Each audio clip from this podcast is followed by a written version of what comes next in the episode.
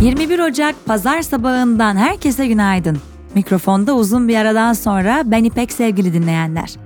Umarım keyifli bir pazar gününe uyanmışsınızdır. Ben oldukça yoğun bir gün geçireceğim. O yüzden erkenden kalkıp işe koyuldum. Dilerseniz bu haftanın ağırlıklı kültür sanat haberlerine kulak verelim. Bugünün bülteni Domestos'la birlikte ulaşıyor. Yoğun kıvamlı formülüyle mikropların %99.99'unu yok eden Domestos'un ejderhası Kız Kulesi'ne kondu. Durdurulamaz gücüyle evlerin her köşesinde maksimum hijyen sağlayan Domestos, son reklam filminde mikroplara kaçacak yer bırakmayan ejderhaya yer verdi. Ayrıntılar bültende. Müzik Lana Del Rey, folk müzik tarzına doğru ilerlediğinin sinyallerini veriyor. 38 yaşındaki alternatif pop yıldızı henüz yayımlanmamış Henry, Come On isimli kaydın kısa bir bölümünü Instagram üzerinden paylaştı. Bu arada Lana Del Rey ayrıca bu yıl Coachella'da Tyler the Creator ve Doja Cat'le birlikte baş sanatçı olarak sahne alacağını duyurdu.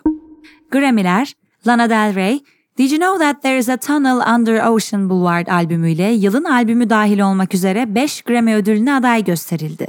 Ayrıca A&W şarkısıyla yılın şarkısı kategorisinde de adaylık kazandı. Del Rey, son aylarda ABD'nin güneyinde zaman geçiriyor. Alabama'da bir Waffle House'ta müşterilere servis yapmaktan John Denver'ın Country Roads şarkısını seslendirmeye kadar bir dizi sürpriz etkinlik yaptı. New Orleans Jazz and Heritage Festival, The Rolling Stones, Foo Fighters, Chris Stapleton, Neil Young and Crazy Horse, The Killers and Anderson Paak, The Free Nationals gibi büyük isimleri ağırlayacak. Etkinlik 25-28 Nisan ve 2-5 Mayıs tarihlerinde 2 hafta sonu boyunca 14 ayrı sahnede gerçekleşecek ve yarım milyona yakın müzik severi ağırlayacak. Bu arada festival bu yıl Kolombiya'nın müzik ve kültürünü Expedia Kültürel Değişim Pavyonu'nda kutlayacak ve Kolombiya'nın müzik kültürünü sergileyecek 17 grup ve çeşitli sanatçıyı ağırlayacak.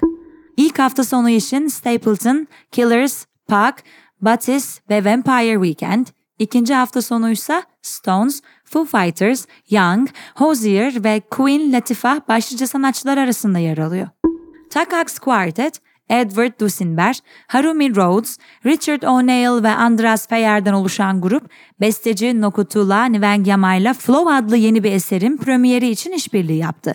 Besteci bu eserle büyük patlamaya kadar uzanan, uzayı dolduran iyonize gazın olduğu evrenin şafağını ifade etmeye çalışıyor. Bestecinin yaklaşımı ise şöyle.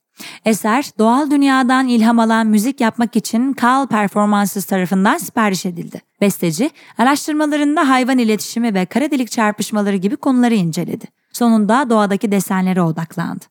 Müzikte hidrojene B notası ve helyum için B ve E kombinasyonu atanıyor. İki element stabil hale geldikçe ışık, ardından yıldızlar ve galaksiler oluşuyor. Eserde ayrıca besteci tarafından neşeli bir valse gönderilen quark olarak bilinen alt atomik parçacıklar da yer alıyor. Final, büyük sürüler halinde hava üzerine dans eden kırlangıçları ve kovalamaca sahnesini andırıyor. Günün hikayesi Gevende, dengesiz delilerle ağlaya ağlaya 20 yıl. Sevgili Can Sertoğlu sizler için kaleme aldı. Türkiye ziyadesiyle ilginç bir ülke. Dünyada bir eşi yok, benzeri de var mı uzun uzadıya tartışılır. Pek çok konuda ve alanda kendine has karakteri, dengeleri, gerçekleri, duyguları olan bir yerdeyiz. Bir ülkeye bu karakterini veren sadece toplumu değil elbet. Coğrafyası, taşı, toprağı, havası, suyu, tarihi ve tabii ki ortak sevinçleri ve travmalarıyla derinleşmiş toplumsal hafızası. Bu bakımdan Türkiye'nin yalnızca 100 yıllık cumhuriyet ve eğreti demokrasi deneylerine yaslanan ulusal kültürü, türlü çuvallamalarla yamalı ve yaralı olduğu gibi muazzam zenginliklerle ve mücevherlerle dolu. Bu hazinelerden örnekler verebileceğimiz alanlar çok fazla ama bu yazının ele alacağı alan müzik. Müzik diyerek engin bir deryayı, sayısız sanatçıyı, koskoca bir yaratıcı külliyatı, devasa bir repertuarı bir kelimeyle sıkıştırmaktan ziyade, geçen hafta gerçekleşen bir konserin düşündürdüklerinden yola çıkmak isterim. Fazla tanınmayan, tanıyan ve bilenlerin bir kısmınca çok sevilen, sevenleri tarafından tapılırcasına teveccüh gören Gevende grubunun 20. yıl konserinden bahsediyorum. Yurt dışında bulunduğumdan konsere gidemedim. Ancak sosyal medyada ve internette konserle ilgili okuduklarım, duyduklarım, gördüklerim, ayrıca müzik sevgisine ve bilgisine çok güvendiğim Selin Altan'ın blog yazısında okuyup kendisinden bizzat dinlediklerim beni konsere gitmiş gibi hissettirmeye ve olan biteni anlayabilmeme yetti. Gevende epeydir bir arada olan bir grup. Eskişehir'de kurulduktan iki sene sonra İstanbul'da Roxy Müzik Günleri yarışmasını kazanan, ertesi sene ilk albümünü yayınlamasının ardından Kadıköy'de kız tavlamak yerine İran, Pakistan, Hindistan ve Nepal'i kapsayan bir aylık bir kafa yolculuğuna çıkan grup, akraba tınıların elçisi birçok başka grupla çağdaş ve akıldaşlar. Bunlar arasında aklıma ilk gelen ve tanımsız ama birbirini bilen bir kabilenin müzik dairesi başkanlarını yani Nekropsi, Kesme Şeker, Ayyuka, Replikas, Kırıka, Dandadadan ve Peyki sayabiliriz. Bu grupların görünmeyen ama capcanlı bir hayalet ruhu olduğu gibi dinleyicilerinin de tanımsız bir kolektif kültü vardır. Kült küçük olabilir. Külttekiler birbirini tanımayabilir ama kendini bilir. Bir de kabileden olanı gözünden anlar. Veya dansında. 50'den fazla kez yer aldıkları saygın uluslararası festival konserleri ve turneler haricinde Geven'de grup olarak fazla üretken ve ortalıkta olmayabilir ama üyeleri teker teker hatırı sayılır, mahir ve çok yönlü müzisyenler. Özellikle grubun kurucusu, lideri ve solisti Ahmet Kenan Bilgiç takdire şayan nitelikte ve nicelikte projelere, dizi ve film müziklerine imza atan, yaratan, üreten bir müzisyen müzisyeni.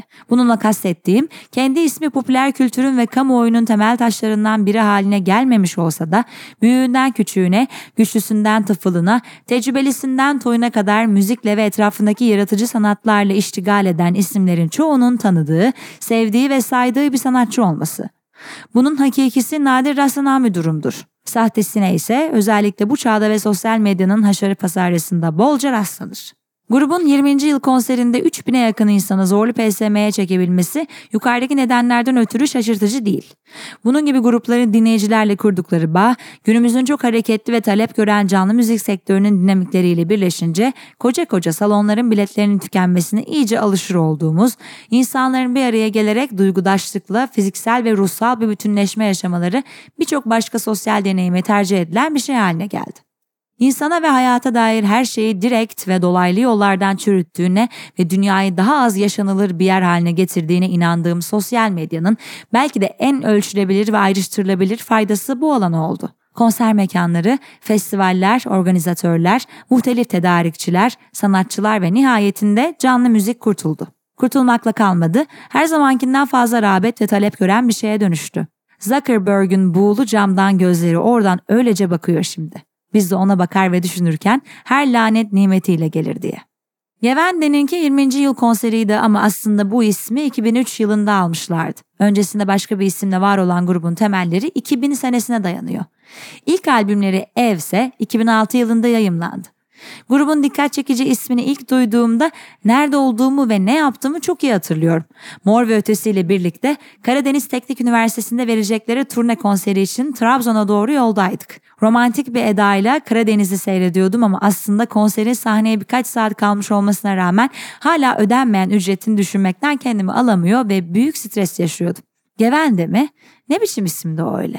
Wikipedia'ya göre ismi Kürtçe düğün şarkıcısı demek olan grup, merak uyandıran albüm Sen Balık Değilsin ki Kırınardı ve şarkı isimleriyle olduğu kadar sıra dışı besteleri, keman, trompet gibi az rastlanan aletleri içeren enstrüman dizilimi, komplike düzenlemeleri, anarşik, caz, folk tanıları, kısmen Türkçe, kısmen de Ahmet Kenan Bilgiççe yazılmış sözleriyle de garipti, ilgi çekiciydi ve tuhaflardı, kendine çekiyordu. Zaten böyle olur ya bu işler. Bir deli kuyuya bir taş atar, taşın yolundan tüm benzer akıllı deliler o kuyuya dalar, orada birbirini bulur, kendi yakın odalarını kurar, aşina ruhların fiziksel ve ruhsal salınımlarıyla tarifsiz deneyimler yaşarlar. Kabile kendiliğinden kurulmuştur. Yukarıda Ahmet Kenan Bilgiççe derken söylemek istediğimse şu. Gevende'nin şarkılarının sözlerinin büyük bir kısmının bir dilde değil, sanırım Bilgiç'in uydurduğu ve bilinen bir dilde herhangi bir anlam ifade etmeyen kelimelerle yazılmış olması. Küçücük yaştan beri tutkulu bir müzik dinleyicisi olmama rağmen sözlerin önemini ve keyfini son 20 yılda tam olarak anlamaya başlamış biri olarak benimsemekte zorlandığım bir tarz olsa da gerekçesini anlasam da anlamadığım, yaratıcı kökenini bilsem de hemfikir olmayacağım bir seçim olsa da saygı duyduğum bir ifade biçimi bu. İnsan sesi de bir müzikal enstrüman mıdır, değil midir tartışmaları bir yana dursun, şarkıları müzikli hikayeler olarak dinlemek, yazılan şarkıyı ve onun anlattığını anlamak ancak anlaşılır sözlerle olabiliyor. Bu nedenle Gevende'nin 3 stüdyo albümü ve bir oyun müziğinden mürekkep repertuarıyla geçirdiğim zamandan sonra sözleri anlaşılan şarkılara ağırlık verdiğim kendi Gevende albümümü derledim. Bana göre ilk albüm Evle, ikinci albüm Sen Balık Değilsin ki arasında kat edilen mesafe kadarı, ikinci albümle son albüm Kırın Ardı arasında kat edilmiş. Bunun sonucunda Kırın Ardı grubun en erişilebilir ve dinlenir albümü, açık arayla en fazla dinlenme sayısına Ağlaya Ağlaya ise en misafirperver şarkısı. Kırın Ardı albümünde ise ilginç bir simetriyle ilk ve son ikişer şarkı kenara konduğunda albümün omurgasını oluşturan Sessiz gibi bir yer, Kırın Ardı, Saroyan, Ağlaya Ağlaya ve Ters Okyanus'tan oluşan beşli omurga dışında ikinci albümden Kadibos'tan ve Sanki'yi, ilk albümden de sözlerinin tersten söylendiği iddia edilen Nayu yani Uyan şarkısını dinleyebilir ve bu şahsına münhasır grupla ilgili epeyce fikir edinebilirsiniz. Bazen bir grup öyle bir öneri sunar ki hem neye uğradığınızı şaşırır hem de nereye geldiğinizi çok iyi bilirsiniz. Oralar saf dehanın kendini arz endam ettiği tuhaf bahçelerdir. Çocuksu bir yaratı, yerden yüksek salınan bir özgür ruh vardır orada. Belirli belirsiz görünüp kaybolsa da boğum boğum hissettirir kendini. Laletta'in buluşlar değildir bunlar. Ele dile söze kolay, akla kalbe ruha zor hadiseler. Burada kabilenin öncü gruplarından Peyk'in Don Kafa ve Ayuka'nın FM şarkılarını ve videolarını anmak gerektiğini hissettim. Her şeyin büyüğüne koşarak hizmet sunmanın büyük olana hizmet paradigmasını yeniden beslemek, zorbanın tahakkümünü yeniden var etmek olduğunu anlamayı reddeden, söylemlerine her türlü ikiyüzlülüğe siper etmeyi meşru gören popüler kültür ikonlarını her zaman müsamahasız filtrelerden geçirmeli ki optik yanılsamalar yerine işin özü ve tözü görünsün. Zira bu güzel ülkede bir gün bir şeyler adile, iyiye ve sevgiye doğru değişecekse para ve güç sevdalı cilalı imajların, mühim adamlara ilişkili isimsarların lambalı kürsülerinden bezirganlık yaptıkları megafonlarıyla değil, bu kabilenin sessiz bilgisinden alev alan tutkuyla ve o tutkunun kapalı salonlardan sokaklara akmasıyla değişecektir. Sinema ve TV 43. İstanbul Film Festivali'nin restore ettireceği film Hayallerim, Aşkım ve Sen olarak belirlendi. Gösterim, Atıf Yılmaz'ın Ümit Ünal'ın senaryosundan sinemaya aktardığı başrollerini Türkan Şoray ile Oğuz Tunç'un üstlendiği 1987 yapımı film 17-28 Nisan tarihleri arasında gerçekleşecek festival kapsamında da restore kopyasından gösterilecek. 75. Primetime Emmy ödüllerinin esas kategorilerinde kazananlar belli oldu. Drama kategorilerinde 6 ödül kazanan Succession, komedi kategorilerinde 6 ödül kazanan The Bear, mini dizi kategorilerinde 5 ödül kazanan BEEF öne çıktı. Ödül sezonunda bu hafta ABD eleştirmenlerinin Critics' Choice ödülleri sahiplerini buldu. Britanya Akademisi'nin BAFTA ödüllerinin adayları açıklandı. Critics' Choice ödüllerinde en iyi film dahil 8 ödül kazanan Oppenheimer, BAFTA ödüllerine en iyi film dahil 13 kategoride aday gösterildi. Öte yandan 96. Akademi Ödülleri'nin adayları 23 Ocak Salı günü Türkiye saatiyle 16.30'da açıklanacak. Oyuncular Zazie Beetz ve Jack Quaid'in sunacağı yayın Akademinin sosyal medya hesaplarından canlı yayınlanacak. 74. Berlin Film Festivali'nin açılış filmi belli oldu.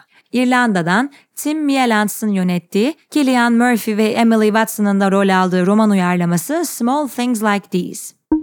Öte yandan festivalin panorama bölümünde gösterilecek filmler arasında Gürcistan'dan Levan Aki'nin yönettiği ve çekimleri İstanbul'da yapılan Türkiye ortak yapımı Crossing eklendi.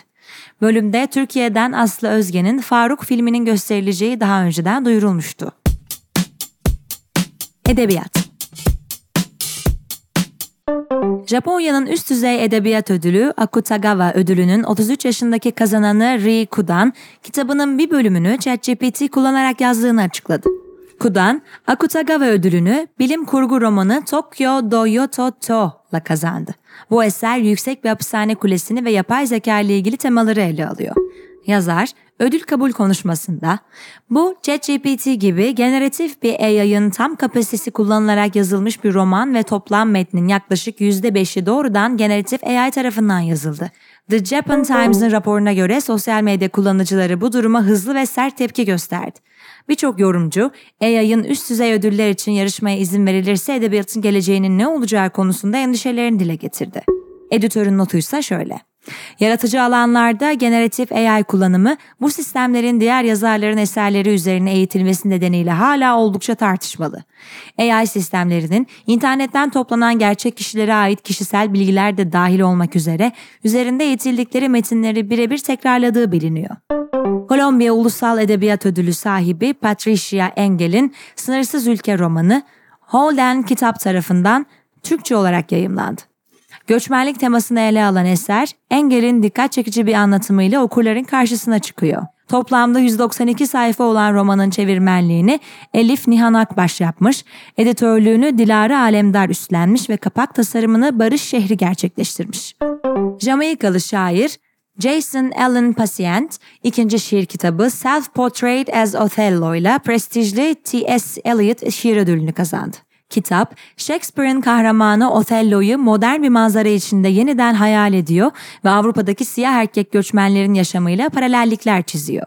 Alan Passient, Othello karakterinin eksik arka plan hikayesini ele alarak karakterin kökeni, dil ve geçmişi gibi sorulara cevap arıyor.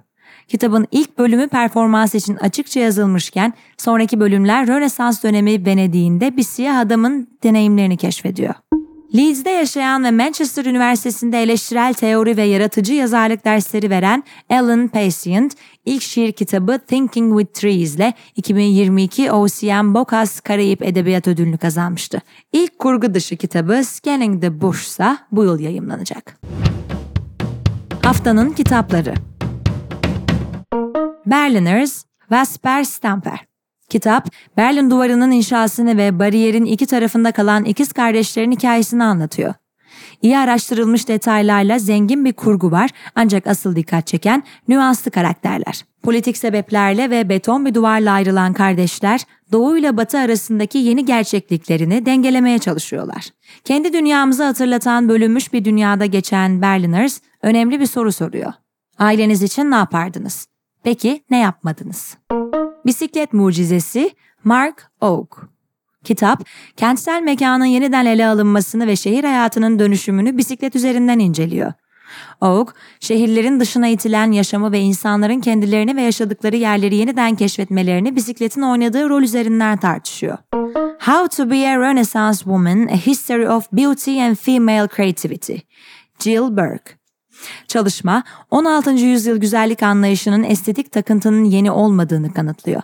İtalyan Rönesansı'nın tabloları üzerinden Burke, kadınların sosyal sınıflar arası yaşamlarına eğlenceli, bilgilendirici ve zaman zaman düşündürücü bir bakış sunuyor. Anlatı, estetiğin ve kadın yaratıcılığının tarihi üzerine çarpıcı bir perspektif sunuyor. Evet sevgili dinleyenler, bugünün bülteni Domestos'la birlikte ulaştı. Mikrofonda ben İpek. Size çok keyifli bir pazar günü diliyorum. Tekrar görüşünceye dek hoşçakalın.